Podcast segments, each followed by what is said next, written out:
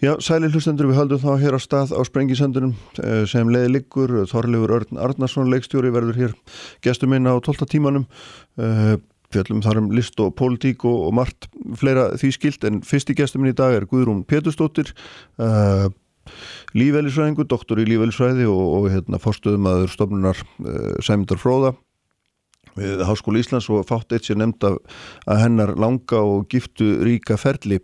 Vertu velkomin til minn Guðrún. Takk fyrir.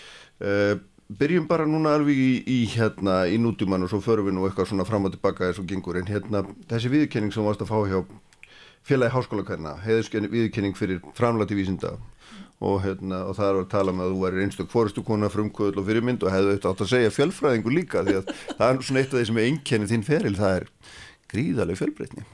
Já, það, er, það má mér sannig segja. Ég mm. veit ekki af hverju fekk þessa viðkynningu og bara þakka þessum dásamlega konum fyrir það Já.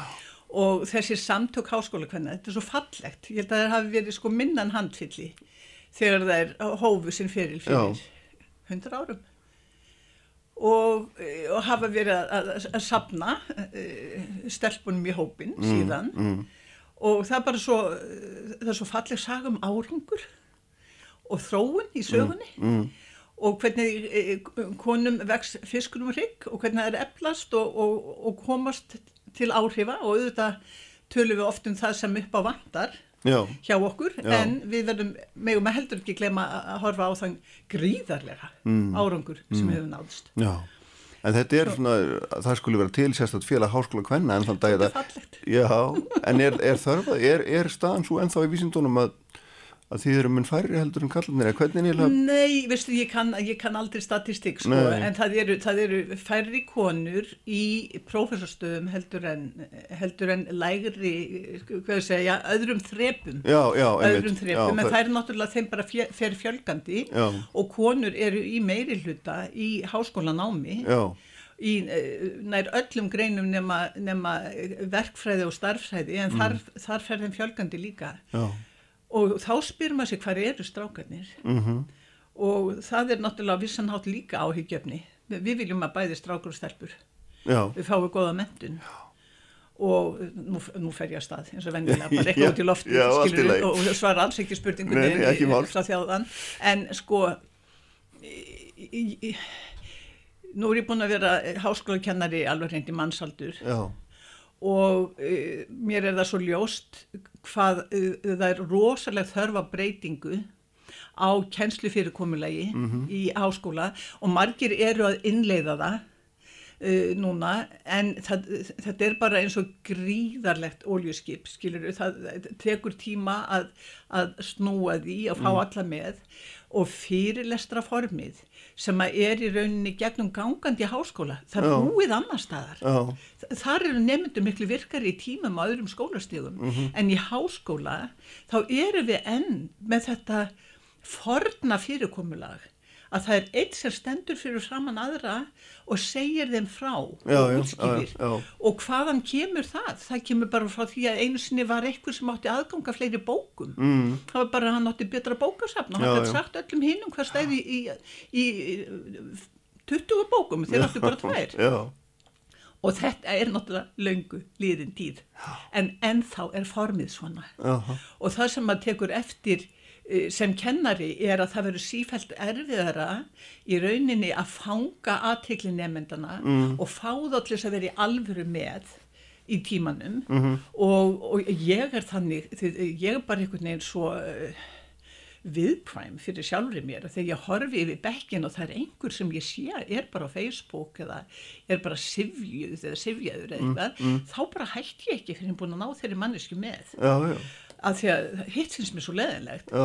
og þetta er bara ansi mikil vinna að, að tryggja einhver veginn með, með því, því hvernig þá talar við fólk að það hafi áhuga á því sem voruð að segja mm -hmm. ég eh, fekk nú mjög góða eh, leiðbyrnanda um kjenslu þegar ég steg mín fyrstu skref og hef nú sagt frá því að ofna Guðmundur Einarsson fyrir um þingmaður mm -hmm. og sem sagði við mig there is no business like show business áður hann að fórin, hann var mjög vinsæl kennari Já. og hann sagði ef að þú hefur ekki brennandi áhuga á því sem þú ert að kenna þá er, getur ekki kveikt í neinum Nei. kindil sem næri dögt á mm. hann, það kveiknar engin eldur frá honum þú verður, þú verður að brenna fyrir það sem þú ert að gera mm.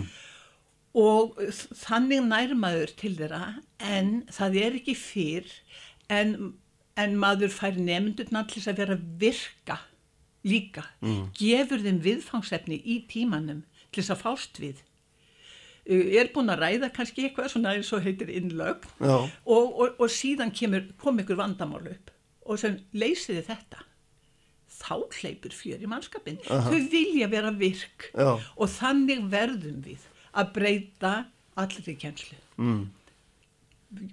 Ná því að nefnendur séu virkir og hvað, það, það kallar á að þau undirbúi söndi tímana mm. og það er erfitt þegar að nefnendur uh, þurfa að vera í vinnu jafnframt námi. Það eru mjög margir nefnendur í vinnu með námi.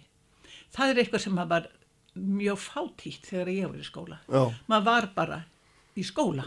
Sumir unnu með mentó, algjör minniluti, afgriðt í sjoppu eða veitingarstað eh, um helgar og á kvöldin. Uh -huh. En að, að vera bara í förstu hlutastarfi með námi, það bara þekktist ekki. Og svo náttúrulega margt af þessu unga fólki með fjölskyldu. Já, ég bara veit ekki hvernig þau fara að. Þannig að já, þannig að, að, að það er geta tryggt að allir mæti undirbúnir og séu tilbúnir mm. til þess að takast á við vandamálið og reyna að leysa það án þess að vera uh, farþegi í hópnum sem maður er í sem leggur ekkert að mörgum mm. endur bara hlustar mm. uh, það, það er árunin að, að koma því á Já, einmitt. Þannig að, uh, sko, svo ég færi, hérna, svo við færim aftur inn í farveginu, bara svona, en þetta var ekki, ekki það, þetta var ekki verið yfirfrólegast, en sko þarna, en þessi fjölbreytni sem var svona einkennir þinn feril, þú byrjaði í, í sálfræði Já. og þú ert máldeldastúdent, sagður mér, Já. og síðan hoppar yfir í lífelsæri og ert doktor þar og, og allt kemur þetta af áhuga á heilanum, ekki það? Eða hvað, eða svona... Ég bara manneskunni fyrst, sko, ég er er máledendastúdent, ég er sko fornmálastúdent stúdent með, með latínu uh, sexdagi viku, þá, þá var, var með skólum að líka Já. og um, maður lærði heilmikið í, í latínunni annað en málið, mm. maður lærði að hugsa logist, vegna þess að málfræðin hún krefst svo mikill að greiningar mm -hmm. og þú ert að semja setningar að áttuðu á því hvar hvert orð á að vera mm. og hvaðan það tekur beigingarendingu sína hver er það sem stýrir beigingarendingun og hvernig er hún? Og auðvitað hjálpar mjög mikið að vera íslensku mælandi, þegar við erum náttúrulega með þetta líka, já, já. að vera með þú veist, 14 bolta á lofti með uh, lýsingarorðið og sagnina og, og, og nafnörðin öll og og, aðarsetningar og allt þetta, já. sem er okkur tamt í okkar móðumáli en uh, þetta er sem sagt bakgrunnurinn, svo fer ég og ég var bara forvitin um uh, mannshugan Já. sem er ástæðan fyrir því að ég fyrir sálfræðina hvernig virkar mannshugurinn? Já. og þetta var fyrsti árgangur í sálfræðinni við Háskóli Íslands. Mm -hmm.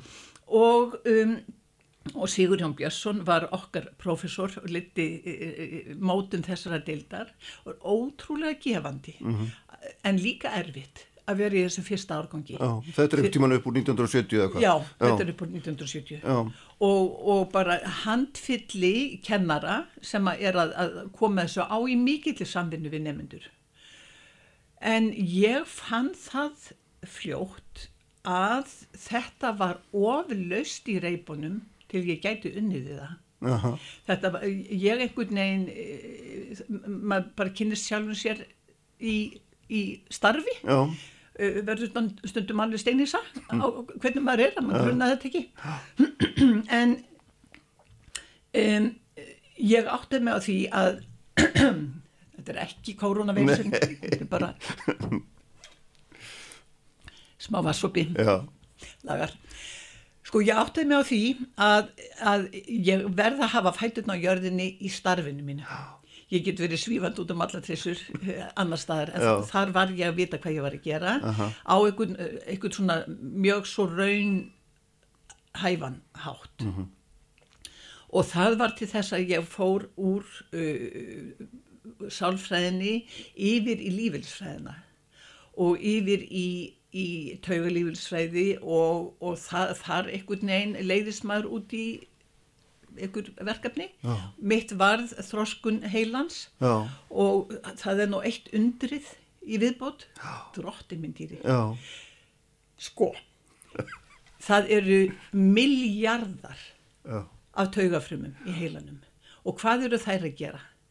Þeirra starfi fólkið því að tengjast ákveðinni annari frumu eða ákveðinum öðrum frumum mm -hmm. og hafa áhrif á þær og hver eru áhrifin?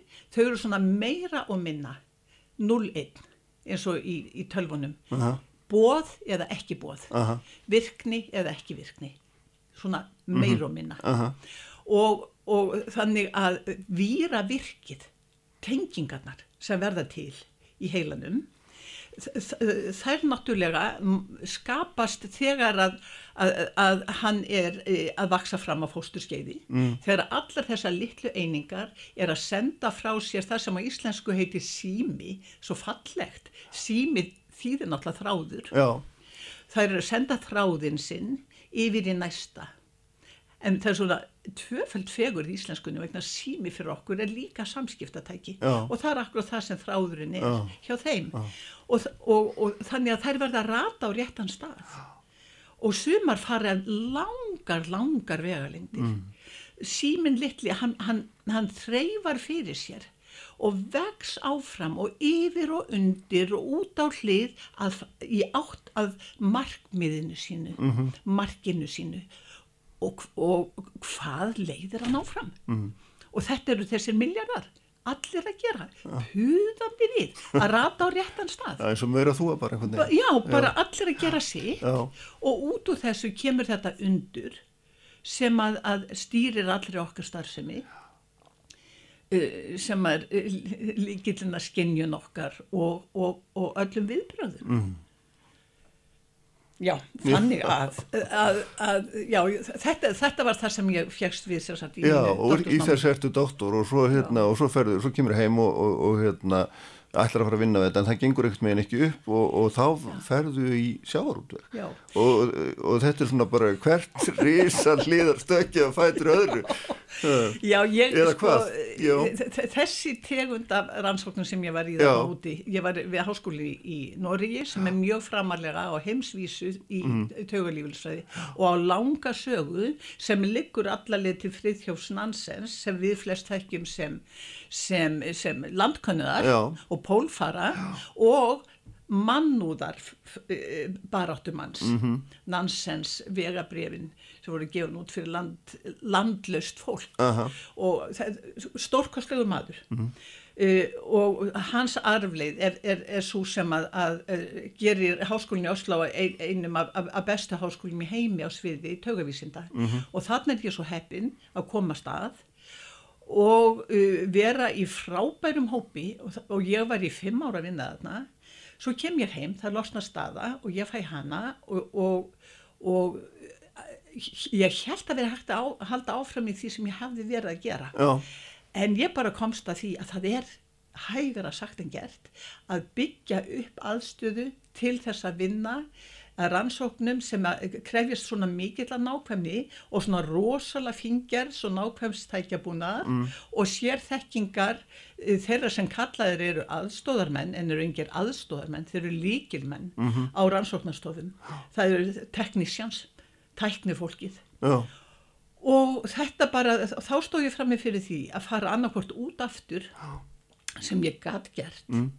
eða finna mér annan starfsvettvang og þá sá ég auglýsingu í bladi, það var auglýst eftir samkvæmdastjóra rannsók, hvað hétt þetta? Mm, sjávarútverðstofnun Já, sjávarútverðstofnun Háskólan Íslands. Já, já og ég uh, hugsa, ég er náttúrulega, það var líka eitt af, eitt af því sem ég fannst svolítið erfitt í þessari vinnu, hún var aldrei einmannaleg, mm. það er mjög mikið um smásjárvinnu og þú ert einn að horfa niður í, á, á einhver undur sem þú sérði í smásjárni og ég, ég var ofta að vinna eins og ungt og, og, og hérna frít og frjálst fólk gerir þetta að vinna maður á öllum tímum og ég var ofta um helgar og það var enginn nema húsverðurinn Já. og ég var hlaupandi að ná í hann til þess að kíkja niður í smá sján að verður að sjá hvað þetta er falleg og hann sagði já já Guðrún þetta er mjög falleg en þetta var einmannalegt.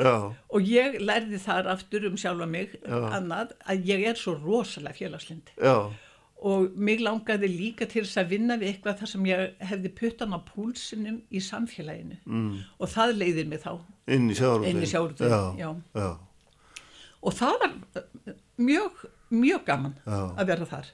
Og, og en einhvern veginn allt, allt, allt, allt öðruvísi og ég sé að hérna, ég var að fara yfir rítaskránaðina og svona, þú ert að skrifa greinar um öryggismál sjóman og guðum að vita hvað er, ég sko þetta er það er náttúrulega sko, eiginlega nær þessu varlega starfi sem að ég, ég e, já, það, það er eitt sko sem enginn er þetta starf sem ég, ég vann við mm. þetta, þess, þetta vísindastarf það er í rauninni rosalega einmannalegt starf á vissan hátt já. þú ert að, að vinna tilraunum meir og minna, kannski samvinnu við aðra en þú ert mikið að vinna einn horfandi nýri smásjá mm, mm. Um, mér fannst þetta eh, oft, oft er það sem ég er að skoða var svo fallegt, mm. vísuelt að horfa á þetta að ég bara varð að njóta þess með öðrum og, og hljópum húsið til þess að finna ykkur til þess að njóta þess með mér og ef það var helgi þá var enginn að maður umíkja húsförðurinn sem var aftur og aftur að koma upp og kíkja og segja áfyrum mér þetta voða fít hjá þér. En, en ég fann og lærði það þarna um sjálfa mig að ég er svo félagslind að þetta einhvern veginn átti ekki alveg við mig. Nei svo leys að, að e, þegar ég þarf að e, þegar ég áttum á að aðstæðunar til þess að byggja upp þessa grein hérna heima það var allt of erfitt Já. það kraðist allt of mikillar um, hvað ég að segja allt of, allt of mikillar sérhæfing, sérhæfingar Já. í tækjabúnaði Já. og í, í mannskap. Mm. þetta er ekki eitthvað sem maður gerir einn og sér. Maður verður að hafa hópi kringu sig og tæknilega mjög færi fólki. Og aðstæður hér heima buðu bóstarlega ekki upp á það.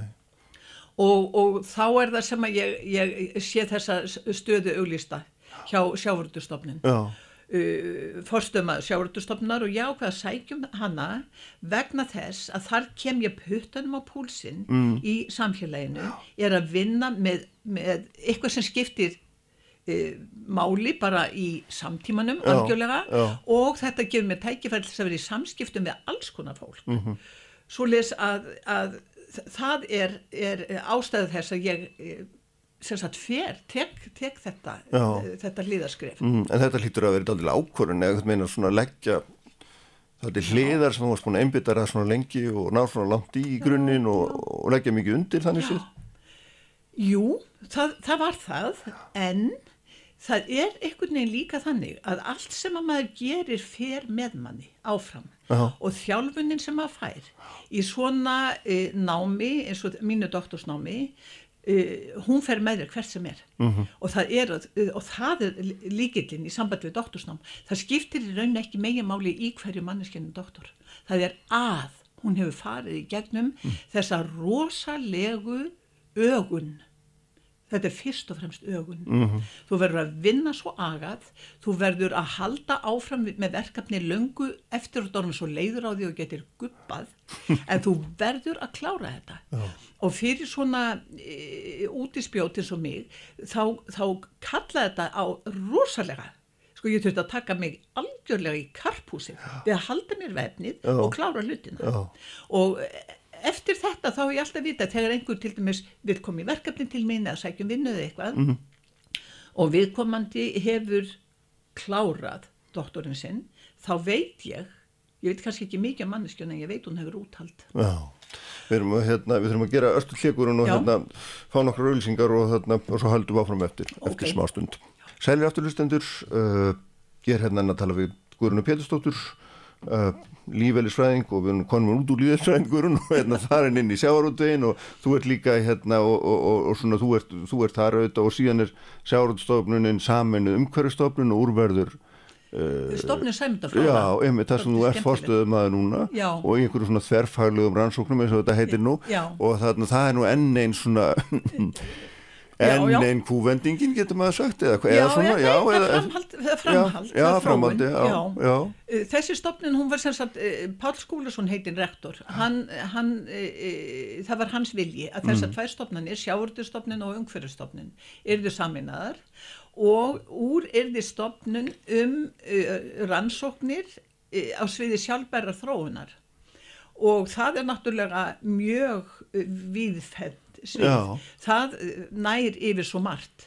Það nær yfir, yfir ekki síst auðlinda nýtingu og vernd, það er sem meðferð auðlinda okkar já. af hvaða tægi sem, sem tjáir að nefna og, og uh, það nær yfir þróun samfélagsins og uh, já þú veist það er, það er nánast hægt að finna flöt sem snertir sjálfberðni á mjög mörgum viðfangsefnum. Þegar maður fer að lesa, lesa til um þetta þá er hérna orð eins og, eins og náttúrulega nattræn hlínun, náttúruhamfarir Uh, hérna, áhrif gerð spákjara fyrir fiskitegundir hérna, gerð rafræðna afladagbóka og ég veit ekki hvað og hvað og hvað. Þetta er, þetta er alveg magna, ég vissi alveg hérna og þú væri fjölbreytt en, en þetta hérna kemur nú engar síður óvart. Þetta er svo, ertu svona forvitin eða hvað? Já, ég er svona forvitin Já ég eh, held það ef að ég hérna væri spurt hvað, er, hvað er, hefur drivkrafturinn í mínu lífi verið Já. svona í, í, í, í starfi þá er það forvitni ég, það er eh, tækifærlega að læra eitthvað nýtt það, það er það sem að, að hefur mm. reykið mig áfram þannig að ég eh, og ég hef bara verið svo lánsum að ég fengi tækifæri Já. til þess að Að, að vinna á þessum sko innan þessa ramma en að mjög fjölbreyttum verkefnum Já. og ég á sjálf ekkert endilega upphafið að þessum verkefnum það koma oft ykkur með hugmyndirna til mín og mm. segja mig langar svo að gera þetta heldur við gætum það eða ég reg augun í eitthvað einu sinni rak ég augun í að, e, að ungur og mjög e, lofandi e, vísindamæður hefði fengið styrk til þess að búa til lítinn kavbát mm -hmm. þessi kavbátur var bara stærði smalahund uh -huh. og það var hægt að bæta við hann svona einingum það var hægt að bæta við að eh, sko, svona ratatækni eða videotækni eða sónartækni eða mm. bara öllu mögulegu oh. og, og skrúa á hann e, eftir því hvaða var sem að hann gerði fyrir sig og svo var hægt að prógramera hann og senda hann til dæmis til þess að leita á hafsbótni mm. að einhverju mm. e, því tollgesla getið notan til þess að leita smilli það verður búið að tengja við að þetta festi af einhvern sker ykkur staðar. Þetta að nota við leit að, að týndu fólki í, í sjó og svo framvegis. Þetta fannst mér ótrúlega spennandi þannig að það, það var til þess að ég vann lengi með þessum góða hópi og þetta verkefni endaði í, í kavbátnum Gafju sem var, sko, setna var, var seld um já, erlendu fyrirtæki já. við uh, gerðum líka þrývita líkana hafsbátni söpnuðum uh, mælingum frá fiskiskipum til þess að gera svona gróft kort af hafsbótnunum þar sem að, að vera hægt að sjá það í þrývít mm -hmm. og sjá skipið sitt í þrývít og veiðarfærin með í þrývít mm. uh, til þess að bara sjá nákvæmlega hvernig þau lágur sjónum já. Um, sko, en margt af þessu sem við fengumst við strandaði á að það vantar fjármagnið Aha. til þess að fleita hugmynd af rannsóknarstíginu yfir á í rauninni söluhæft stíg mm, mm -hmm. og það er ofbáslegur veikleiki í íslenskri fjármögnun uh, þrývítarkort okkar það, það var keft af normunum uh -huh. Þe þeir bara verkefni fór hérðan hefði uh -huh. getað verið orðið atvinnuskapandi og teikjuskapandi eins og við erum alltaf að tala um þessi fáinu fyrirtæki okkar já, já. sem hafa virkilega já, náð flugi. En drottin minn dýri -hmm. þeir sem eru vittni að þroskunarferli þeirra fyrirtækja og muna hversu oft steininum var ítt næstum því upp á topp og hann rann niður aftur. Og það þurfti að byrja upp á nýtt og byrja upp á nýtt og byrja upp á nýtt.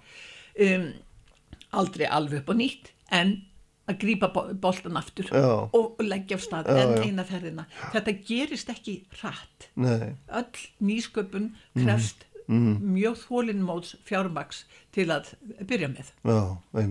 Sko þessir heima sem þú ætti að lýsa líf, lífeðlisfræði sjáarútvögur og, hérna, og þetta, sko, þetta er náttúrulega svona vantarlega þegar þú ert inn í sem kalla heimar að því að nú ertu nýbúin að fá viðkynningur og félagi háskóla hvenna eða hvað, er, ja, eða skiptir það, það? því engu eða hvernig? Nei, skiptir mig engu. Nei. Ég er, kannski er ég bara svona vittlust eina skiptið sem að ég hef tekið eftir því mm. að, eh, að það var eh, einhvern veginn óþælt að vera kona í, það var þegar ég var úti, ég var í stjórn ákveðins uh, apparats sem var bara úti í eins og það heitir atvinnulífið, eins og, eins og háskólinn sé ekki atvinnulíf, já. en uh, þar fann ég það að, að það var bara ekki hlust á konuna mm -hmm. og ég þurfti að beita bröðum til þess að breyta því já. og, og þetta er það sem þeir eru að hugsa um við vorum fimm og, og þeir tölu og tölu og þegar ég opnaði munnin þá fór einn opna gluggan og annar fór á kafun í skjallatöskunum sína og ef það hefði verið til snjálfsímar þá hefði þeir allir verið þeim uh -huh. á meðan og, og mér fannst þetta gerðsamlega óbærilegt Já. að því þeir gerði þetta ekki hverju annan Nei. Að, að hérna en þetta hef ég aldrei fundið í háskólinum aldrei nokt til mann og ég held bara sko það er líka annað ég var smástund í pólitík var í var varaborgarfulltrúi. Og þar fann ég uh, allt, allt aðra menningu heldur en ég var alin upp við innan, inn í, innan háskólarsamfélagsins að sko mál eru látin gjalda málshefjanda Mm. í, í pólitík hún kemur með góða hugmynd já. en hún næri ekki fram að ganga því þú ert í vittlisum flokki já. drottin minn týri því lík sóun og um, sko ef að, ef að það viðhefðist mm. í rannsóknar samfélagi að þú hlustar ekki á ekkun að því að hann væri ekki með þér í fótbolltaliði mm. eða eitthvað, skilur, mm. þetta er svo þetta er svo, þetta er svo gerðsamlega uh, annar kultúr sem viðgengst. Já, en háskólapólitík er náttúrulega vel þekkt og, og hérna, mennir auðvitað í samkjöfnum að koma sínum hugmyndum, er það ekki? Sko, það er, sko, það er rétt og, og það er valdapólitík í gangi í háskólum eins og allstar annar staðar. En það að rannsóknir þínar náðu fram að ganga það er að segja boðskapurinn sem þær flytja mm. hann náttúrulega byrtist með einum ákveðnum hætti það er byrting í reytrindum tímaritum mm. það er þannig sem að menn í háskólaheiminum tala saman og þeir, þeir leggja verkin sín fram hver fyrir annan þeir leggja þau fram til almennrar e, e, gaggrinni mm -hmm. þau fá ekki byrtingu fyrir en jafningar eru búinir að meta þau og benda á veikleikana í aðferðinni eða álíktunum sem dregnar eru mm. af útkomu mm.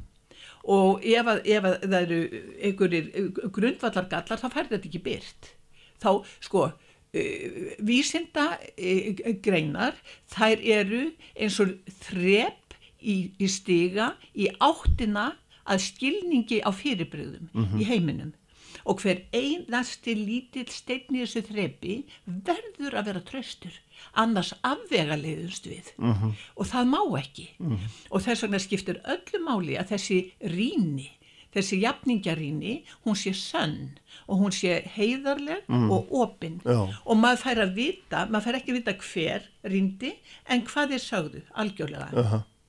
og svo fer maður tækifærlega að laga það ef það er hægt að laga það ef það er ekki hægt að laga það þá er greinu bara hafnað Já. þá er þessari vinnu sem þú lagðir þarna í, í, í það að reyna að finna eitthvað mm. út smá mm.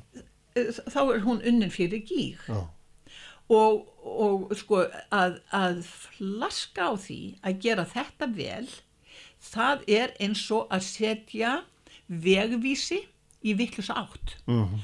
og segja við alla sem á eftir koma ef þú ætlar að fara þangað þá er þetta leiðin og þú ert búin að, að, að skekja mm -hmm. vegvísin mm -hmm. það hafa orðið gífurlega framfarir í þekkingu okkar á flestum sviðum á undanförnum áratugum. Ef maður skoðar vísindarsöguna þá er það bara ævintýralegt. Það sem hefur, gerst hefur og horfum bara á það, ég sko tökum heilbyrðisvísindi, hver við stöndum í dag mm. með við það hver við stóðum.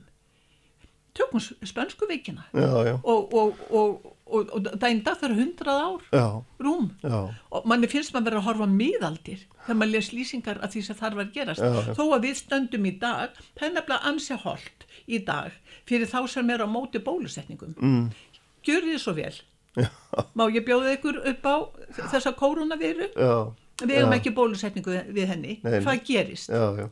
eitthvað sem er svo órunverulegt að, að maður þarf að klýpa sig til að, að trúa því að þetta sé gerist í alvörunni. Já, já, það er hérna sko, að því hún nefnir þetta þá er náttúrulega mjög áhugavert að þú hefur verið að rannsaka líka viðbröð samfélaga við náttúrhamförum og, og þetta er auðvitað Já. einhvers konar náttúra hamfæri er það ekki og þú ert að rannsaka þar hvernig þau geta uh, hversu sterk og sveianlega þau eru til þess að takast á við svona meiriháttar áföll, ég meina þetta er einhvers konar Já, þetta eru náttúrhamfæri þessi veira er náttúrulega luta náttúrun hún er örlítið örlítið kjartsýru brot sem að getur valdið svona og enginn getur haft hana undir nema þekkingin Nei. það er alveg sama hvað mm, marga gull, mm. tröpp, turna eða stóra heri það er ekki málið já, já. eða hvað orð orðin leiður á að hlýða víði mm. og ætla bara að fara út samt það er ekki bóði nei, nei. það er ekki bóði En getur við sótt okkur eitthvað í þessi fræði um það hvernig, við, hvernig hérna samfélag sko verjast náttúrhanfurum eða, eða hversu sveigjanlega eru til þess að á þessum tímum Já, við getum það. Já. Við gerðum uh, rannsókn uh, sem að, að, að uh, á árunum millir 2006 og 2008 mm. Solveig Þorvaldsdóttir sem var fyrir um fórstur almannavarna og, og Ástildur Elva Bernhardsdóttir og Ger Oddsson og ég, Herði Sigurðinsdóttir og fleiri við gerðum rannsókn á því hvernig samfélag höfðu náð sér eftir miklar hamfarir mm. hér á landi Já. og við tókum snjóflóðin fyrir vestan sem þá voru tíu ár sem það höfðu orðið og uh, uh, jærskjáltan árið 2000 á mm -hmm. Suðurlandi uh, jærskjáltan 2008 var ekki hafði ekki orðið þá og hvað nei. það í fjallajökulskúsir og við, við töluðum við uh, þá sem að höfðu þurft að takast á við þetta Eh, heilbriði starfsfólk, eh, hjálparsveitir, laurugluna, kennara, eh, kirkjuna, mm -hmm. mentakerfi, skólana, leikskólana, atvinnulífi og svo framvegis, tölum við fólki litlum hópum og fórum í gegnum atbyrðarásuna með þeim í þessum litlu hópum og skrifum þeirra endurminningar um það nýður mm. hvernig, hvernig mannstu hvern, hvernig þetta gerðist og hvernig allir myndu það alveg upp á hár já, já. og svo bara mannstu hvernig hlutinu voru viku setna Uh, hvað eru næstu minningar og það er mm. mánuður setna, þrem mánuður mm. setna og svo bara röktum við okkur og skrifum bara niður, við bara strengtum brúnan einhverjapapir á, á vekkina í skólastofu og, og vorum bara með penna og skrifum niður tímalínu uh -huh. og eftir að hafa talaði á þriðja hundra manns þá tókum við saman þessar Uh, þessar endurminningar vera mm -hmm. um hvernig þessi fyrirl hefur verið og við áttuðum okkur á því hvernig endurreist á sér stað og hvar veikulekkinir eru og hvað, hvernig er hægt að búa sig undir þannig að, að áfallið komið þér ekki á óvart mm -hmm. heldur sérstu búin og þetta var ætlað fyrst og fremst fyrir sveitarstjórnastígi það eru uh -huh. þau sem að þjón okkur heima við þeir eru nær samfélaginu að sveitarstjórnastígið væri tilbúið með uh, kerfi sem kemur beint inn þegar að áfall verður. Og, og þetta kölluði langtíma viðbröðið náttúrhanförum 11FN verkefnið mm og hann Víðir, Reynisson, við hefum unni mikið með honum, mm. hann hefur notað þetta og, og, og kjartan síslumadur á Suðurlandi, það búið að gera viðbræðsáallanir mjög mörgum sveitafélagum á Suðurlandi sem eru byggðar á þessari aðferðafræði. Mm og það sem að, að, að við viljum, við erum með, með litla greinir í sveitastjórnarmálum bara núna, nýjasta heftinu, uh -huh. þar sem við bendum sveitafélagum á þetta, á þessa þetta er bá, nánast eins og minnislistar ertu búin að gera þetta, ertu búin að gera þetta ertu búin að gera þetta mm -hmm. og Ragnhildur Hergirstóttir sem var bæjarstjóri eða sveitastjóri í, í Árborg Já. þegar að, að járskjáltarnir eru 2008 þá var mm. þetta bóstarlega e, e, þetta var ennþá sko, heitt út úr bakarofninum hún var með þessa minnislista hún sagði okkur það bóstarlega á náttborðinu sínu og, og, og þeir geta einsátt við mm -hmm. við svona hamfarir mm -hmm. eins og, eins og okkar sveitafélag sem eins og vestmannegar núna e, eða, eða byggðurna fyrir vestan mm. eða kvamstongi þegar að þú verður fyrir einhverju svona óvæntu hvernig bregstu við ekki reyna að finna upp hjólið þá mm. verður búinn að fara í gegnum mm. það með þínu samstagsfólki hver er struktúrun okkar í svona e, situasjón mm -hmm. Við ætlum að gera annað hérna stuttlið við Guðrún og hérna koma áttur eftir, eftir smástund. Já, sælir eftir hlustendur, uh, þá höldum við áfram hérna Guðrún Pétursdóttir er hérna en þá hjá mér. Uh, við þurfum nú svo sem að fara að hérna setja punta eftir efninu Guðrún en það er, það er kannski svona Uh, ég veit að þið hefðist ekki sérstaklega skemmtilegt að tala um það hérna varst búin að segja mér það en, en þú bösti fram til fórsadeinu sinni og þarna og, og, og, og hérna þú hefðir getað setið þar í 16 ár og með að við allt sem þú ert búin að gera þá hefði það náttúrulega verið bara sóunur ekki? Ég, já, það er sko þú sem maður veit aldrei. Það, allt sem maður gerir ber í sér einhver tækifæri. Já. Og uh, mig langar til þess að takast á við þetta eða, eða bara hérna gegna þessu ennbætti vegna þess að mér fannst að gefa mér tækifæri til þess að vinna með öllum Já. alveg á nokkura pólitískra lína eða þáta af því það er einhvern veginn þar, það er mín sterkalið það er að vinna með fólki. mm, mm. það ég hef ótrúlega ánægjaði ég hef uh, ég er forvitin um fólk. Ég er mér finnst mér finnst mjög hvað ég segja, mér finnst það auðgandi það málið, auðgandi að kynast fólki og þeirra viðhorfum, hlusta á það. Já. Og, og, og reyna kannski eftir því sem að, að, að maður getur að, að koma þeirra áhuga málum áfram mm, mm. styðja við já. svo það var nú mótivasjóni sem var þarna bakvið og, og það hefði örgulega verið hægt að gera margt skemmtlegt í þarna Já. en ég meina lífið bara maður mað tekur ykkur að beigju og Já. svo kom bara nýja, nýja slóðir inn á þann veg sko. en það var svona merkild ég var að hugsa um það hérna að segja hann verið að rannsaka þetta tímanu svo mikið en ég er svona bara mann er í fersku minni að, að, að, að við vorum að tala um pólitík og háskólapólitík og hvernig fólk er holfa niður og það var þetta á þeim típa gríðalega mikið með reyndað setja þig á bás og þú með sprengtir það vildir alltaf sprengja það Já. af þér ekki satt og svona Ég sko, ég hef aldrei ég, ég þól ekki að vera bás. Mm. það bara get ég alls ekki.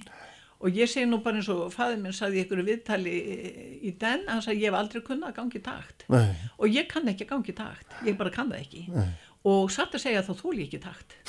Og mér leiðist taktur. Uh, mér leiðist fyrir sjáanleiki Já. Og uh, sko ég vil, ég vil tröst en, en ekki endalösa endutekningu Aha. og ég held að það sé kannski það sem uh, veldur því hvað maður einhvern veginn leitar upp í nývið fánsefni og ég hef stundu verið spurðað því hvað gerir ég verði náttúrulega alltaf alveg kæftstopp því ég spurða því því ég bara veit það ekki. En einstinni mm -hmm. þá held ég að ég sé efnakvati ég er ensým og skilgreiningin á enzými er það er einhvert svona það er náttúrulega bara prótein sem að tengir saman efni sem að, sem að geta ef þau eru tengt saman orðið að nýja efni mm. en efnakvatin þegar hann er búin að kynna þessari tvö element þá fer hann út úr, hann verður ekki partur af nýja efni hann fer, oh. hann fer að tengja saman einhver önnur og ég held að ég sé svo leis oh. ég er, er enzim Já. Og, og það hérna sko og, og það getur nýst svo víða mm. og uh, það er fyrir mér þá er sko þegar ég lít yfir svona farin veg þá verð ég sjálfpildi hissa mm. á að sjá og ég er að reyna upp já þetta verkefni þetta var svo skemmtilegt mm. svo les að, að en á móti getur líka spurt verður mann eitthvað á verki. Verður mann eitthvað verki ef maður alltaf að, að sinna nýju? Mm. og í raun og veru og þess vegna var ég í hissa þegar það letur mig heiðru með svona minna kæru uh, stallsýstur í, í félagi háskóla hvenna vegna þess að þeir sem fá verðlun eru venjulega þeir sem hafa þolgeði til þess að halda fram að gera eitthvað á einhverju einu ákveðinu sniði. og, já, og ná sko árandi uh -huh, þar. uh -huh. svona ensým eins og ég fá voðalega sjaldan verðlun mm. það er mjög fáir sem taka yfir höfuð eftir þeim. En svo ég tala nú takja upp hanskan fyrir okkur ensíminn þá væri ekkert líf. Það væri ekkert líf Nei. á jörðinni að það væri ekki ensím. Nei. það verður einhver að vera í þessu tengistarfi sko það, ég heyrði heyri í viðdaljum daginn hérna á Ríksóttarmunni kalla sjálfa í sveimhuga sem er náttúrulega þarna örglega einhver hluta rétt en þú vil líka þrælin ákvæmur og agaðar vísindamar og það er það sem er svona þessir þessar andstæður sem eru svo Já. skemmtilegar sko. Takk sko Já, ég, ég held að sko sveimhugin er, það, það er kannski forvitnin mm. sem að ég er þar að, að mér finnst, ég til dæmis glataður garðirkjumæður af því að, að þegar það sprettur eitthvað, þá finnst mér að maður er að leifa því að spretta þú veist, ég á svo erfitt með að reyta það sem að menn kalla illgresi, mm. af því fyrir mér er þetta lífið sem er að kíkja þarna upp á moldinni og á ég að fara að rýfa það upp og það er alltaf verið að skamma mig fyrir þetta að sko þú, þú nærðingum árangri í gardirkjunni nema þú hafir agan til þess að rýfa upp það sem ekki það sem er ekki sko ætlundin mm -hmm. að rækta Já. þú eru að vita hvað ætlar að rækta og ég, ég heyri hvað þau segja. Og ég dáist rosalega fallum görðum hjá fólki með, með hreinum og fínum beðum. En mingarður er ótrúlega óreiða en þau hafa einhvern veginn sjálf ákveðið vilji vera þarna. Mm -hmm. reyndar ekki skriðsólei ég tek alveg bara ég, já, ég, ég er köst einhver staðar verða mörkin að vera. Já, einhver staðar eru mörkin. Mörkin. Já, nákvæmlega. Herru, hérna, Guðrún, ég heldur verðum að að hérna, setja punkt á eftir efninu amen og eftir efninu takk fyrir að koma, þetta var frábæðilega skemmtilegt að fá þig og hérna, aftur til að hafa mikið með þessa viðkenningu takk, takk fyrir að, að bjóða mér og gaman að sjá þig Kristján. Já, sumulegis, ég held hérna áfram eftir augnablík Sæli hlustundur áttur uh, Guðrún Péturstóttir farin frá mér eftir eftir okkar frólega samtal uh, en uh, sestur hjá mér Þorleifur Örn Arnarsson leikstjóri. Uh, sem að hefur nú öndafarin uh, ár auðvitað verið mestanpart uh, út í Evrópa leikstýra en einnig auðvitað sett upp mjög aðteglisverða síningar hér uh, hérna, mikill kraftur í hans síningum og, og mikill pólitík í, í listinni hjá honum. Verstu velkomin til mín hérna Þorleifur það er svona, veit ekki hvar við erum að byrja ef ekki byrjaði að uh, setja ykkur aðeins hérna niður í, í tíma og rúmi þú ert að koma frá Östuríki þar sem þú varst að, varst að vinna og þú ert auðvitað aðalega vinni í Þýskalandi, ert íslenskur leikstjóri þó þú segir nú stundum að þú viljið ekki kalla þig leikstjóra. En það, þú ert búin að vera í hvað er 11 ár síðan þú útskrifast, 11-12 ár ekki satt? Og ert búin að vera útofnu síðan uh, út um allar koppagrundir. Uh, er það ekki svona er það ekki ágætti slýsing á þessum áratugrum? Jú, maður hefur ekki stoppað mikið. Um, uh, Já, ég, já, ég sko ég útskrifast hérna úr leiklisaskóla um, og hef síðan ekki staðið á sviði. Nei. Um, Og ætlaði það kannski aldrei eða eitthvað? Nei, það var nú orðið ljóst uh, fyrir Já. útskrifta að það stemdi, uh, uh, það stemdi aðra átt og ég frum síni fyrsta uh, leikritið sem leikstjóri held ég þremur vikum eftir útskrift sem leikari þannig ég held ég hef líklega bara verið komin í, í, á fullt að æfa annað leikrit á sama tíma og ég var mm. útskrifast sko. mm. þannig að hérna það var aldrei spurning hvað átt var að vera að stefna uh, með þetta og síðan fer ég til að fljótt út um og það helgaðist aðalaði að, að, að uh, ég er aln upp í Íslandsko leikúsi mm. um, ég er hérna sem lítill pjakkur hangin á hörbyggjum með sexi á pappa uh, er í þjóðleikúsi eða fram í sal að horfa á æfingar. Og ég skinnjaði mjög fljótt að ef mér langaði að uh, skapa minn svona eigin farveg mm. þá þurfti ég að sækja mér uh, þekkingu og, og víðsynni inn í uh, annað annað hugsunarkerfi -huh. til að geta kannski mögulega síðan stemt þeim saman mm -hmm.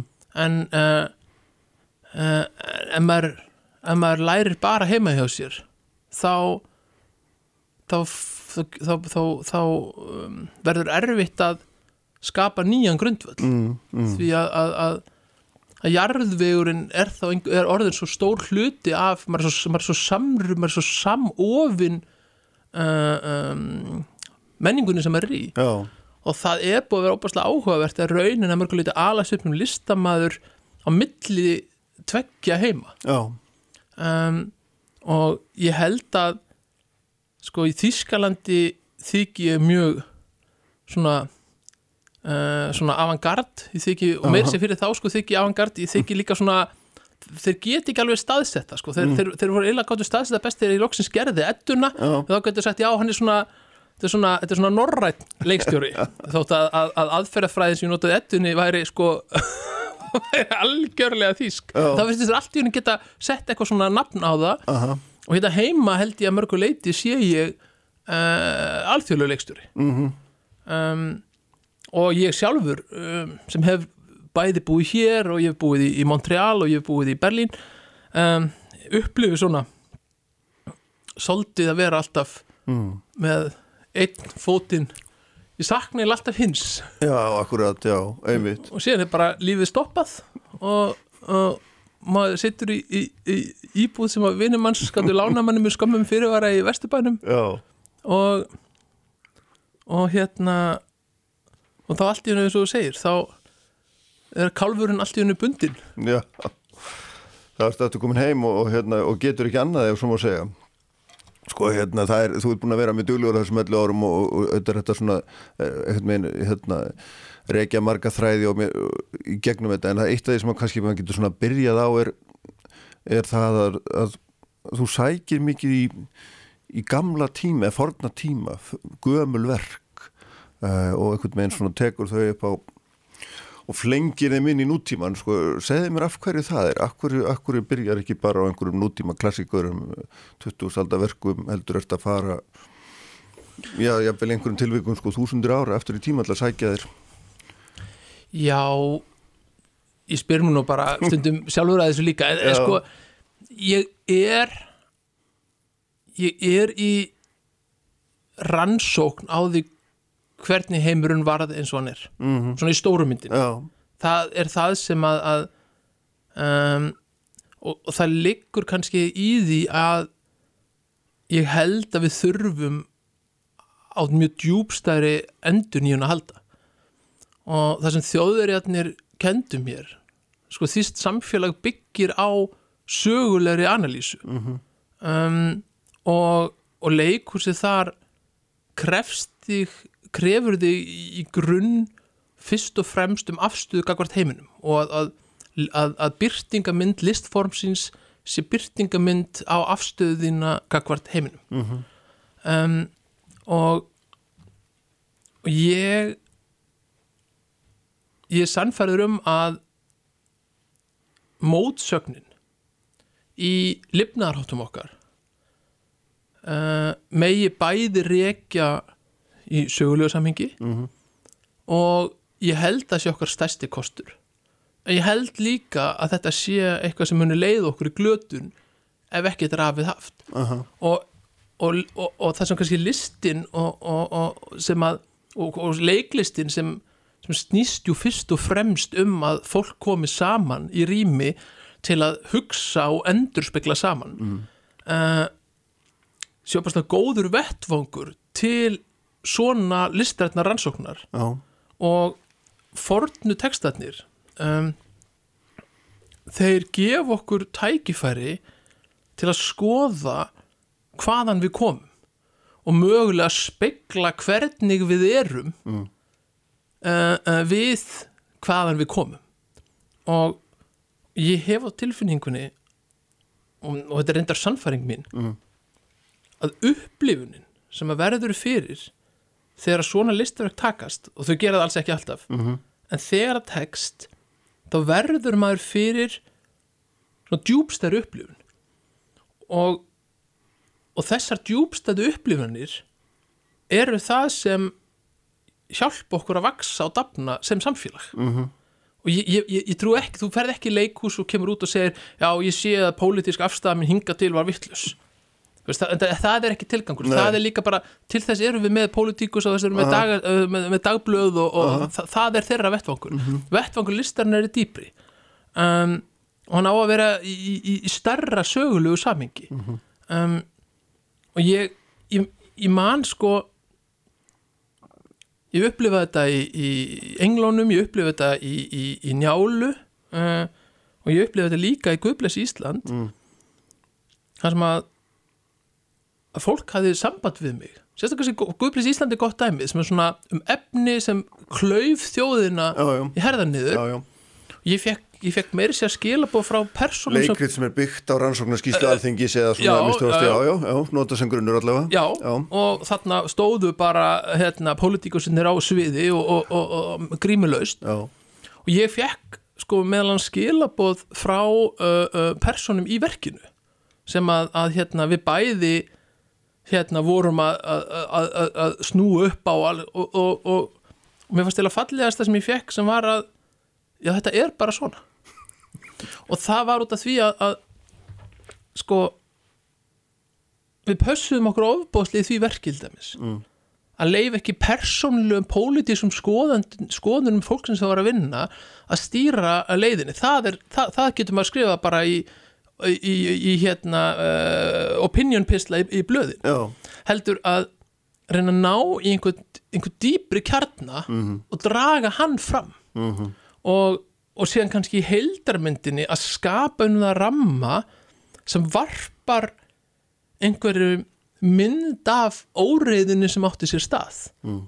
og En þú ert þarna sko, þetta svona þú ert mjög pólitísku leikstjóri þess að fannst mér ráðavert að fá þig þú ert náttúrulega mjög mikið pólitíku svona öðrum þræði eða báðum jáfnvel, ég veit það ekki en hérna, uh, þú ert mjög pólitísku leikstjóri og þegar þú segir að, að sko, leikur sem má þá ert að segja mér að leikur sem er ekki predikað og mátt ekki sittja þínar eigin skoðan en þú, þú ert náttúrulega, maður lesa þannig svo út að skrifa texta og svona og hlustur á því vitulum að þá, þá ertu náttúrulega, er það ekki að svona þú ert með mjög sterkast sín já, og, og ég er djúpolítisk maður já og ert með mjög sterkast sín og þú ert auðvitað einhvern megin að reyna að koma henni er það ekki jú, jú, jú, jú. Nei, en, en, en, þess að dregi mjög skýra ég dregi mjög skýra línu um, á milli uh, sem segir dægurpolitíkar og flokkspolítíkur mm, mm. sem að, að ég tilheri ekki mm. uh, og síðan uh, samfélagslegri pólitískri umræðu og mér finnst í grunninn að listamenn hefur verið miklu aktívari í politískur umræðu mm -hmm. um, en ekki endilega í flokkspolítískur umræðu því að, að uh, uh, flokkpolitík uh, sem að mörguleitu í Íslandi er uh, uh, þótt í upplifinu sem betur fyrir á, á undanhaldi mm -hmm.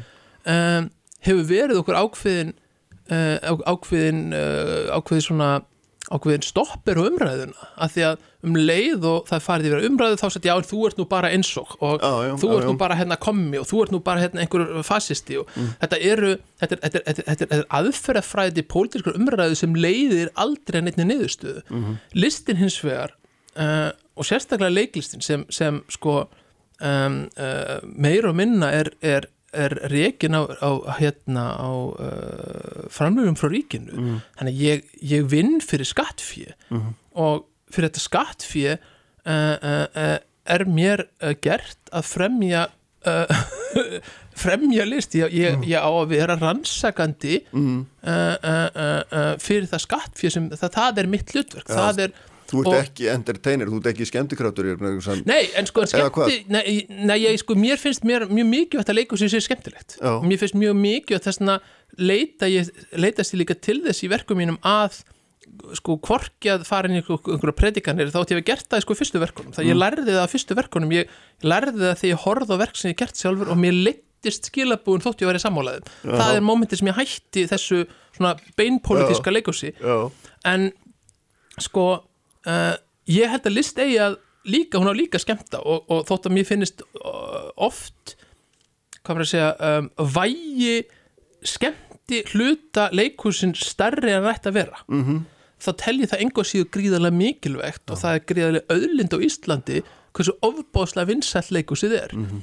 hins vegar tel ég og það er ekki síst á svona tímum þar sem að þetta sögulega grundvallar hlutverk listarinnar þjóðlukussið er smíðað utanum sjálfsmynd íslensku þjóðarinnar mm -hmm. eins og sagði uh, uh, við opnununa uh, til að vera þjóð meðal þjóða og hér skuli barist á vývelli hugmyndana þar sem menn falla kvöldi og geta reysið að nýju að morni mm. og ég held, ég held að þetta hlutverk er eitthvað sem þurfum að taka alvarlegar því að þetta býður upp á að við getum tekið fullt af stórum hugmyndafræðilegum uh, uh, uh, debutum, við mm. getum tekist á um samfélagsmyndina án þess að raunveruleg blóði sjútelt mm -hmm. En myndur þú segja að, að sko, þetta hlutverk hafi verið svona kannski tildurlega mikið svona vandrækt undanfarin 20 ár þannig að svona, ég veit ekki, getur maður sagt að leikús hafið til að spila sig út úr þessar umröðum, hættinni.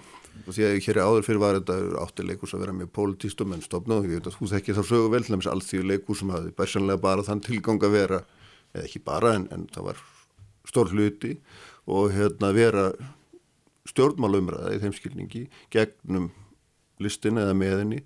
Uh, og svo, svo, svona, svo hverfur þessi bilgi eða týnist en þú veit aldrei svona meina, að koma inn að stað aftur? Eða er, er þetta Já, já, ég sko ég held að uh, að það hafi skort á um, samfélagslega vingilinn á leikursinu mm -hmm. og uh, ég held reyndar að það er ekki bara við um leikursið ég held að ég við um samfélagið okkar í heilsinni uh, ástæðan fyrir því að fólk fann sér knúið til að stopna alltíðuleikursið á sínum tíma er það að samfélagið logaði í pólitískur umræðu mm. og leikursið auðvitað stígur inn í það um, leikurs eins og Ísland í dag Þú sem... segir það auðvitað, er er það svona alveg auglust í þínum huga að þegar maður finnur þetta fólk, leikursfólk sem er sko algjörlega öndverðar að skoða hana Já, nei, en það hefur alltaf verið til leikursfólk uh, sem er af, af, af hérna, uh, hefur mismunandi uh, sín og sem betur fer mm, til þess að nú, mm. nú uh, líðræðisamfélagi mm. Nei, en það sem ég á við er að það eru sko leikursið getur ekki staðið utan við uh, við ströym tímans Mm. og sko samfélagið sem hefur verið að byggjast upp og þetta er kannski ekki síst frá falli Bellemúrsins er einhver leiti samfélag merkingarleisunar. mm -hmm. Þetta er samfélag þar sem að hinn verallegu gildi, uh, þar sem að hinn uh, efnhagslegu gildi hafa tekið algjöra, hafa tekið rauninni sko trúarlega, trúarlegan status mm -hmm.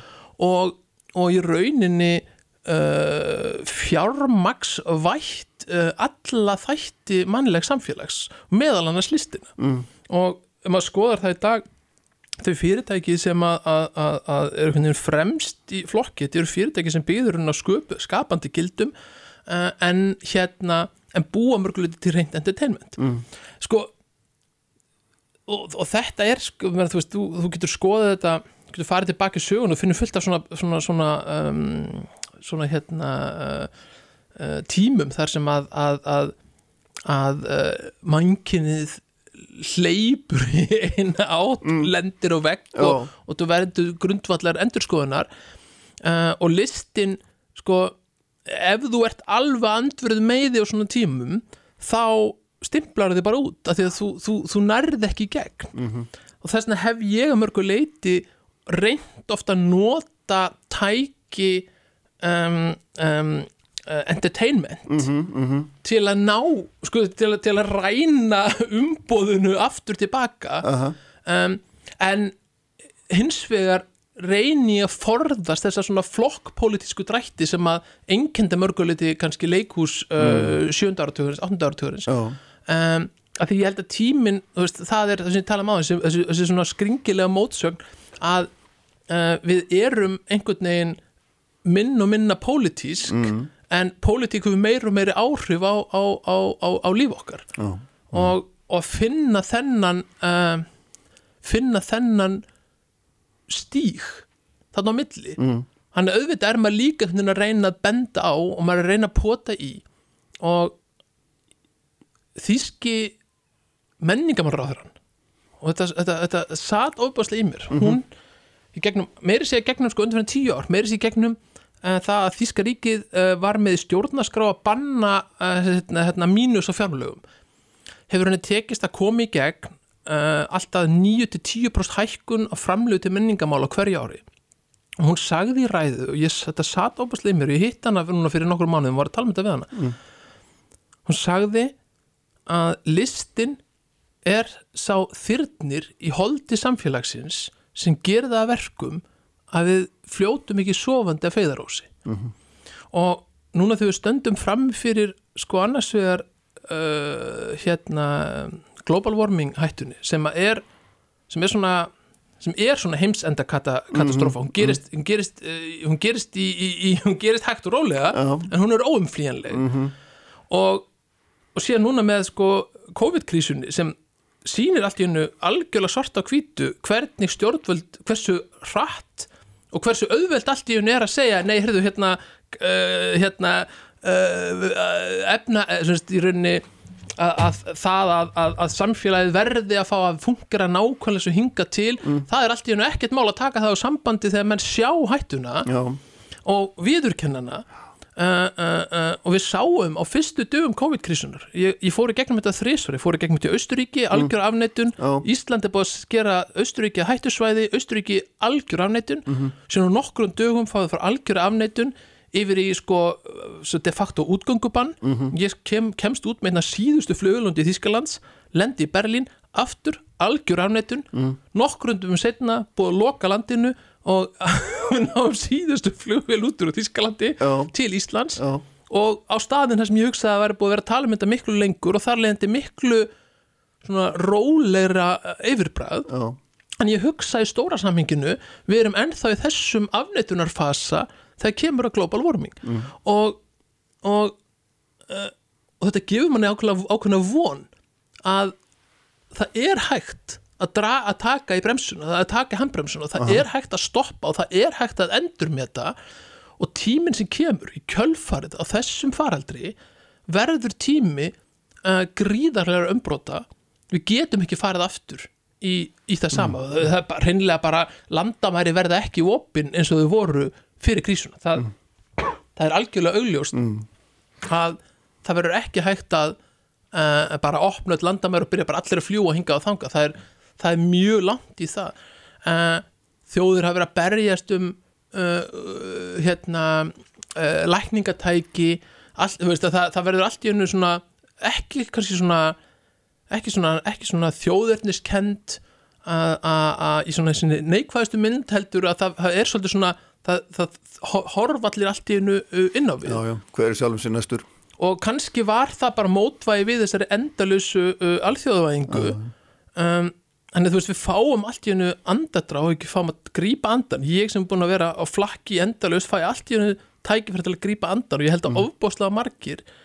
En það sem blasir við framundan er djúb efnagskrísa og í þessari djúb efnagskrísu þurfum við að fara í gegnum grundvallar diskussjón um framhæð mm líðræðis okkar aðgang stjórnvalda að upplýsingum um okkur eftirlit samfélagið og, uh, uh, uh, og global warming fór ekki neitt þóttu allt í hennu einhvern veginn höfrungar getið sendt í bláum vötnum feneiga að því að þessir ógislu, ógislu skemmtifæraskip er, er, er ekki komin Já, já, einmitt.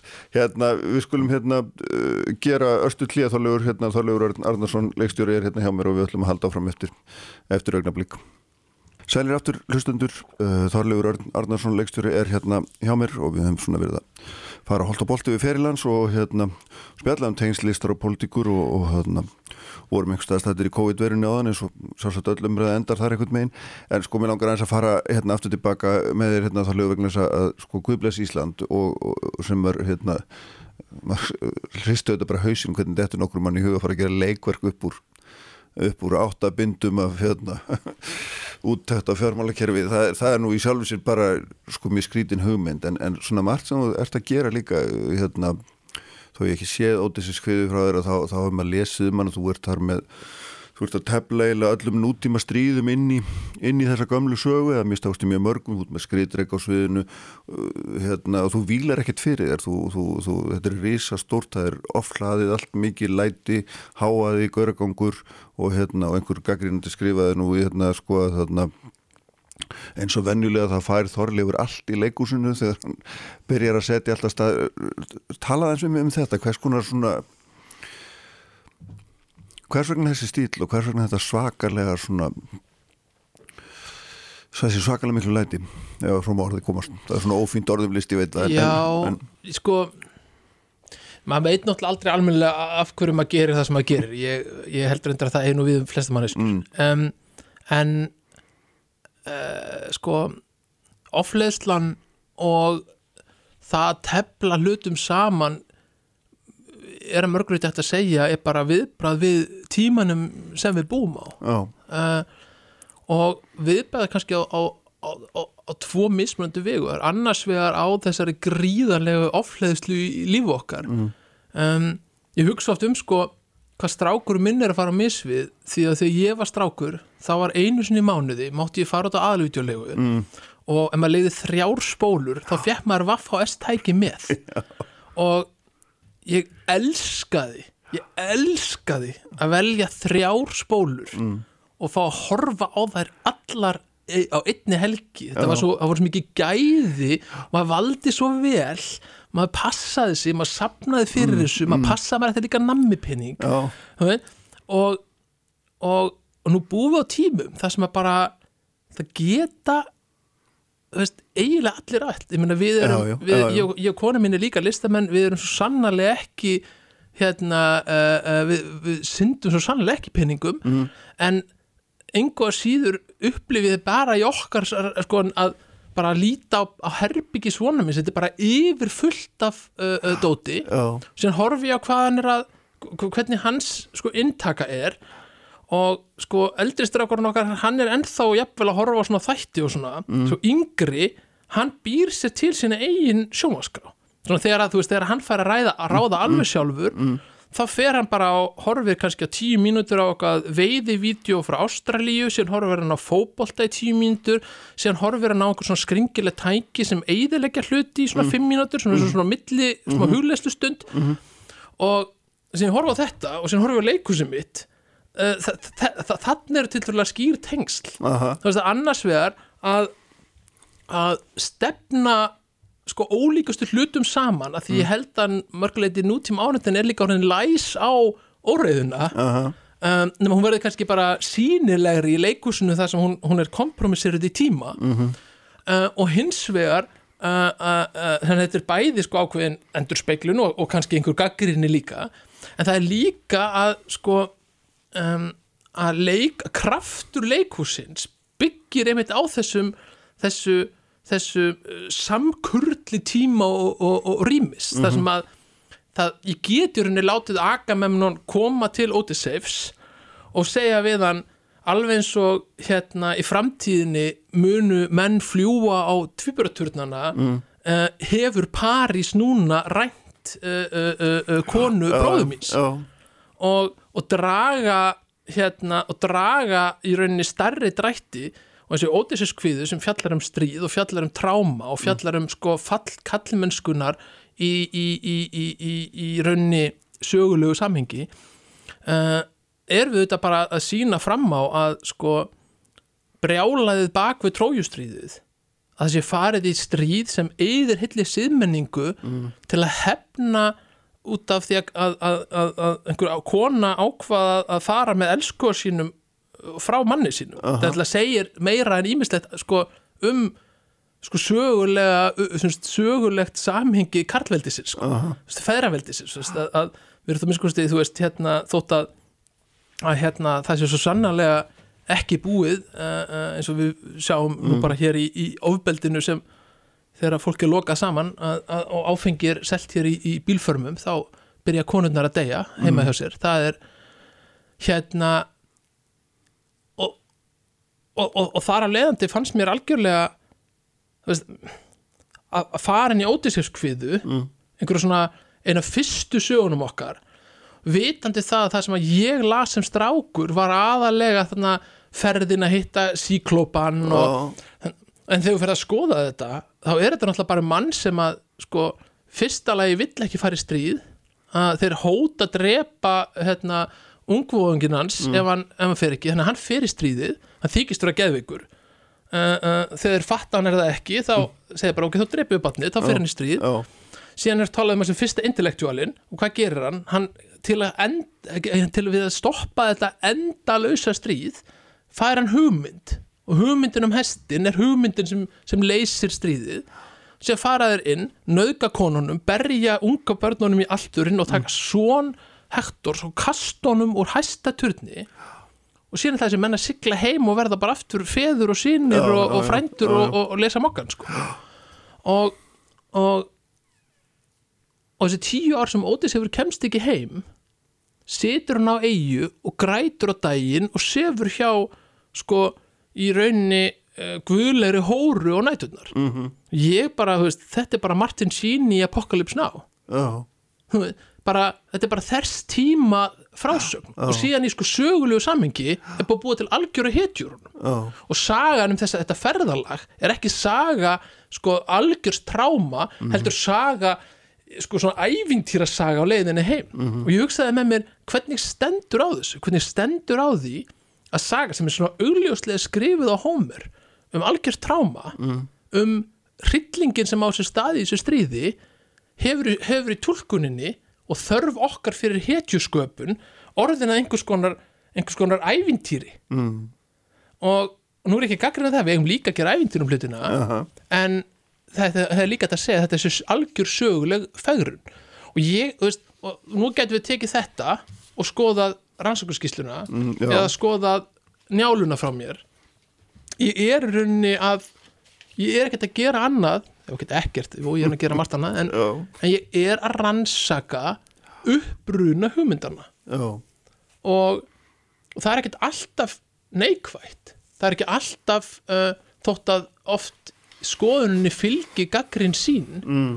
en gaggrinn sín er kannski ekkit annað en viðspyrna við uh, hvað, hvað hlutinir mm. ef, við, ef við tökum þá inn og skoðum þá og rannsökum en, þá. en þú verður aldrei vandur um að vera svona allaveg þínu skrifum svona mjög bjart sítt maður.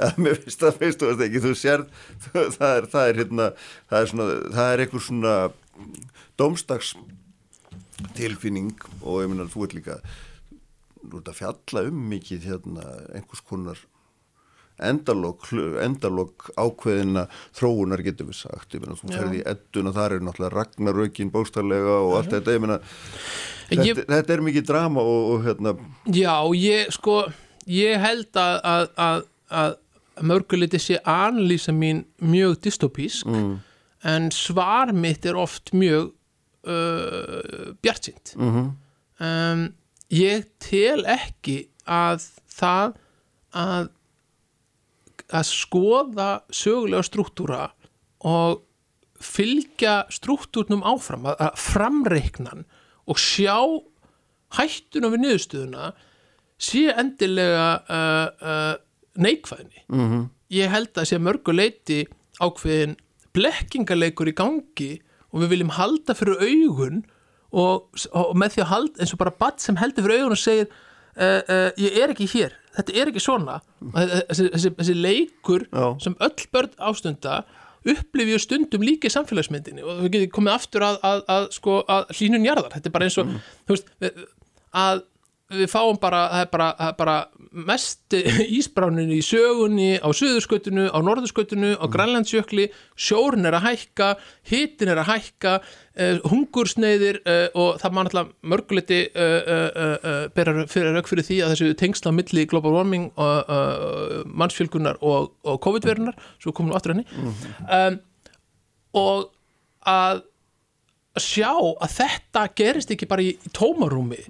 Þetta, er, þetta, er fram, þetta er framhald á uh, uh, ákförðunum þetta er, þetta, er, þetta, þetta er niðurstaða áframhald ríkjandi kerfist ég, ég, ég, ég held að sé valla til sá manniski sem neytar að sjá tengsl milli þerrar gerðar uh, uh, kapitalisma sem við erum að ástunda og það að við séum að ganga plánutunni hvort sem, sko ekki bara global warming, við erum, veist, dýrategundir deyja út í hrönnum uh, hérna uh, uh, sko umbreytingar á, á, á hérna um, á skipulagi uh, frá borgum, veist, frá landi yfir í borg. Veist, það, það, það er að, að eiga sér stað einhverju svona stæstu samfé, samfélagslegu breytingar og þær hefa átt sér meir og minna stað síðan fallmúrsins af því að allt í einu bara eitt ríkjandi hugmyndafræðikerfi á nokkurs, mót, á, á nokkurs hérna, mótvægis. Og það er bara þannig að kerfi sem, sem hefur ekkert mótvægi heldur bara áfram, verður ríkjandi og fer að geta sjálft sig. Mm. Og það er það sem gerðist líka í kommunismanum já, og kommunismin var sigraður út af, í rauninni sko, ekkit kommunismin heldur í rauninni sko svo útfærsla Sovjetríkjana á kenningum uh, uh, Marx og, og Lenins hérna var, var sigruð af útaríkisefnu og, og alþjóðarvæðingu alþjóðulegs kapitalisma mm. sem samt þurft alltaf að halda sínu besta andliti þegar þeir urða að selja borgrunnu sínum mm. að þeir væri þó inn sko, hugmyndafræðilegri betri heldur mm. þessi voru en að segra Já, og það er gagvert þessari litlu sögur sem þú ert að segja núna þá teflir þú hérna þá teflir þú fram leikúsi Já, ég sko ég ótt spurt mig, ætti maður að fara inn í politíkina, ætti mm. maður að um, en uh, ég meiri sé að hef pröfað að starfa sko ekki beintinn í flokkum heldur ég hef komið og, og starfa nálat politíkursinni um, og og ég fann að ég hefði miklu meiri tilgang í leikursinu mm. uh, ef maður skoðar njáli, ég veit ekki hversu margar 2000 manneskja uh, sá þessu síningu og kannski eru auðveldar í sögulegu samingi að benda á að þess og þessi pólitíkus hafa byggt eitthvað hús eða, en við höfum kannski frekar öll eitthvað fram að færa fyrir uh, samfélagið okkar uh mhm. -huh. og mér skoðast að hinga til þegar ég spyr með þessar spurningar er svar mitt uh, að ég eigi að vera í leikusunnu no. og ég eigi að reyfa við hlutum þar -huh. Mhm. um, ef að það svar breytist þá kannski breytist það Já en sem kem ég eins og hér sem listamæður uh, og vonandi hefur svo listranna útfarsla sem er að vinna með líka áhrifin í umræðuna mm. um, það er kannski það er kannski það er kannski spurningum að trúa þessu innra gildismati mm.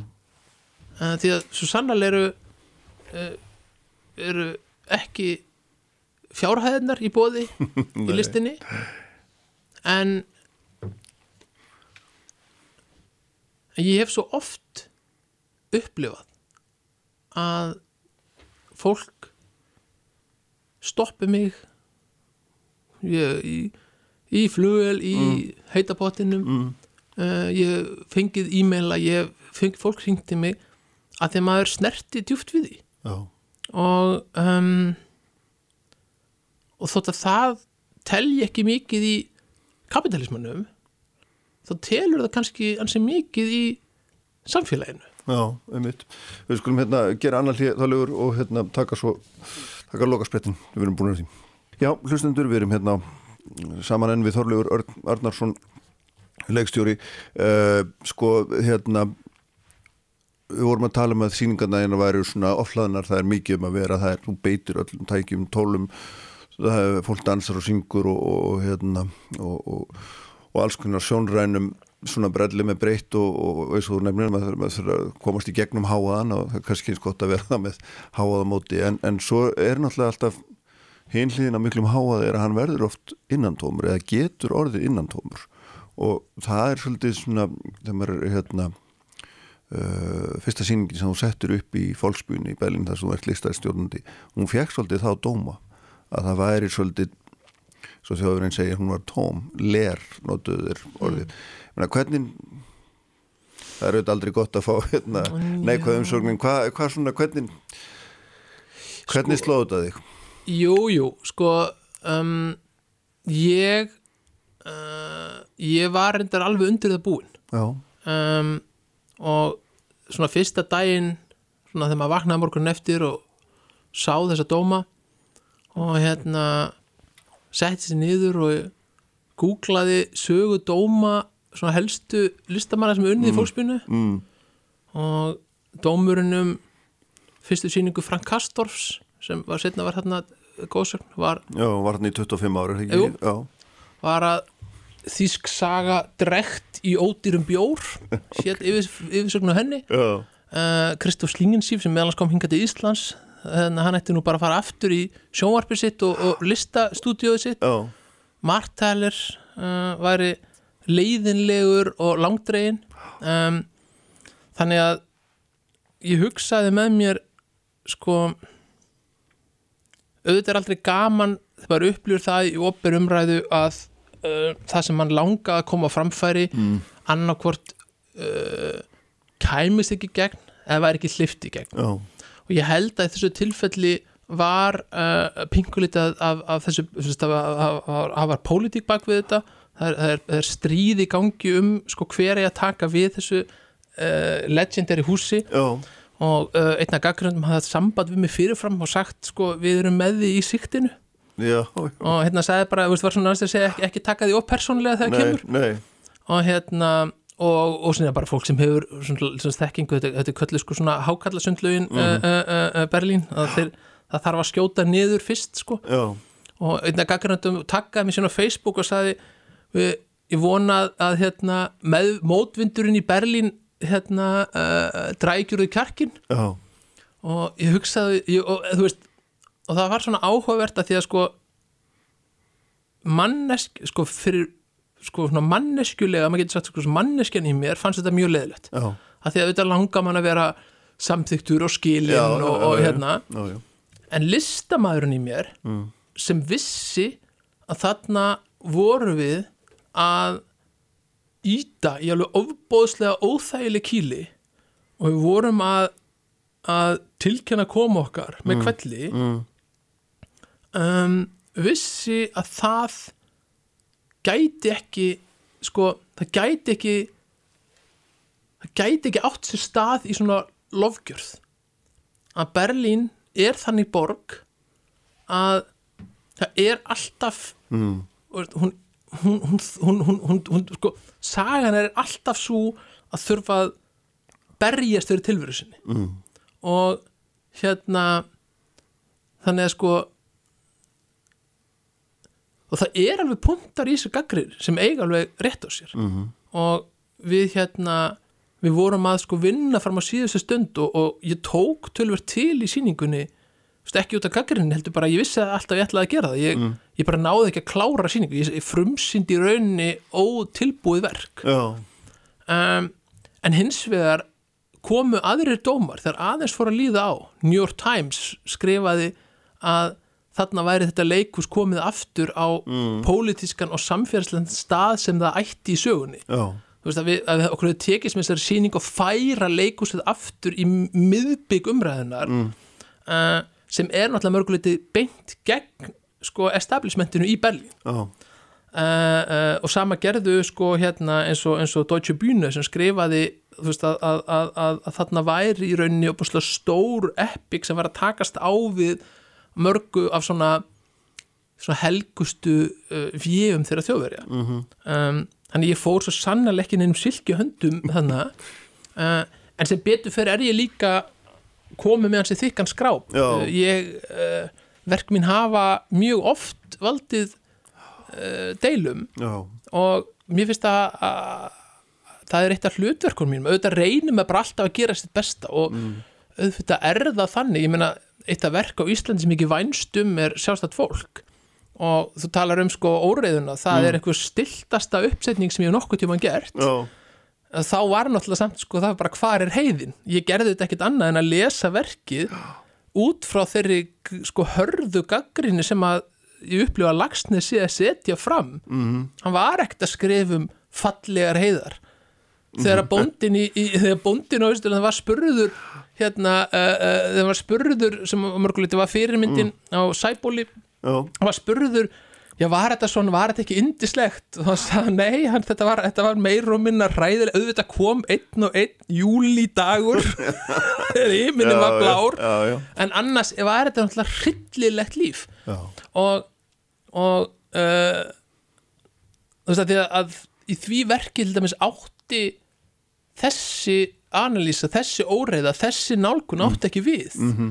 uh, og þessna gerði ég það ekki. Mm. en uh, en samt var hún ofbúslega erfið. Hún var erfið af því hún gekk ekki inn í ákveðna uh, ákveðna svona mýtu sem hefur verið búin til um sumarland um bjart. Já. Já, Og- akkurat.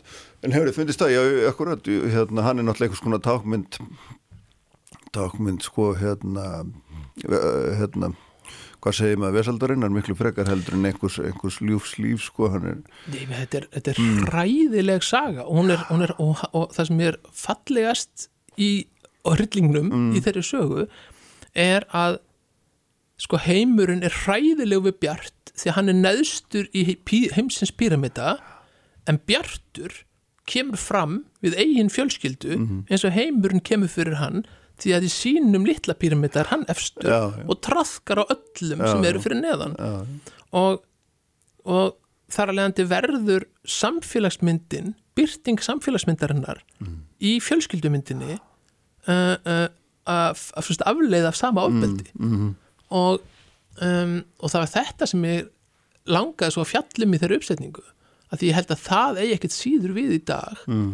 en sem fannst mér svo mikilvægt að pota í hvað við erum tilbúin að líta framhjá uh, erfileikanum við að lifa hérna og hvað mm. stór hluti sög okkar mm. byggir á hræðilegri fátækt já, já. og og, um, og í rauninni ofbeldi veist það er svo mikið ofbeldi gagvart svo stórun hluta þjóðarinnar í gegnum Íslandsjóna mm.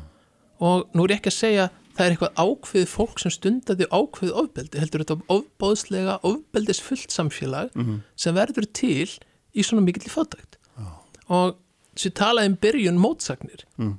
sko ég er svo sannlega ekki maður sem myndi halda þið fram að grundvallar hugmynd kapitalist kerfi séu rángar ég líti heldur ekki fram hjá því að uh, kapitalist þetta með kynverjar sem tóku upp kapitalism sleftur endar frelsinu, tóku bara upp kapitalisman hefur tekist uh, uh, að draga fleira fólk upp úr fátækt uh, heldur en nokkur og öðrum tíma í sögunni. Hins vegar kostnæðurinn liggur á náttúrunni og liggur á framtíðinni. Við höfum verið að taka út svo mikið úr, úr banka framtíðarinnar frá náttúrunni mm. uh, uh, og frá þeim uh, auðlindum sem við eigum mm. að það er ekki það er ekki hægt að viðhalda því lengur og, og þá verður spurningin hvernig á að snúa frá því Já, þú kannski svara því í næstu verkum hvað er hérna bara upp í lokinu því að hérna, nú þú fastur hér en hvað hvað er næsta dagskrá? Já, ég, sko annars vegar ég ég er að fara að draga tölvört úr umsfugum erendis ég, ég er endar sko verða áfram að vinna í fólksbyrnu og er að undirbúa þar að, að sviðsitja uh, orðstu eskilósar mm -hmm. í eigin útgáfu. Uh, þótt að Martið sé að breytast akkurat núna. Uh, ég eftir að klára Pétur Gaut í, í, í, í Vínarborg og reyndar er ég búin að taka mér að setja upp stóra fástsýningu í Hamburg. Það uh, dragur umsfugum hvernig þetta allt uh, á að framkvæmast núna um, veit ég ekki um, en síðan uh, hef ég nýlega uh, tekið upp svona langtíma samstarf við þjólikúsið oh. og ætla mér þar á næstu árum að, að eða stefna það að halda áfram þessari rannsók um, bæði á Íslandsögunni og kannski heimsögunni mm. en reyna að skapa uh, leikús sem, sem veldur uh, veldur hugaræsing í besta Já. skilningi þess orðs? Að reyna að skapa leikur sem dregur okkur uh, uh, uh, með sér inn í endurskoðun og endurspeglun og, og hérna og, og kannski hlýða orðum opnaræðunar að skapa vývöld hugmyndana mm. þar sem fólk tekst á á kvöldin og rýs upp saman á mótni. Ljómandi, ég held við látum þetta vera lokaorðin þálegur, takk kærlega fyrir að koma Takk, takk. Já, og við verðum að láta sprengisendurum lokið í dag og um leið og ég óskar ykkur öllum gleðilegra páska. Uh, minna á það að uh, allt efni þáttarins er á vísi.is og bilgjan.is. Ég var Jóhann Haldursson, stýrði auðvitað útsendingu að venju. Sjálfur verði ég ekki með ykkur aftur eftir viku. Verðið sæl.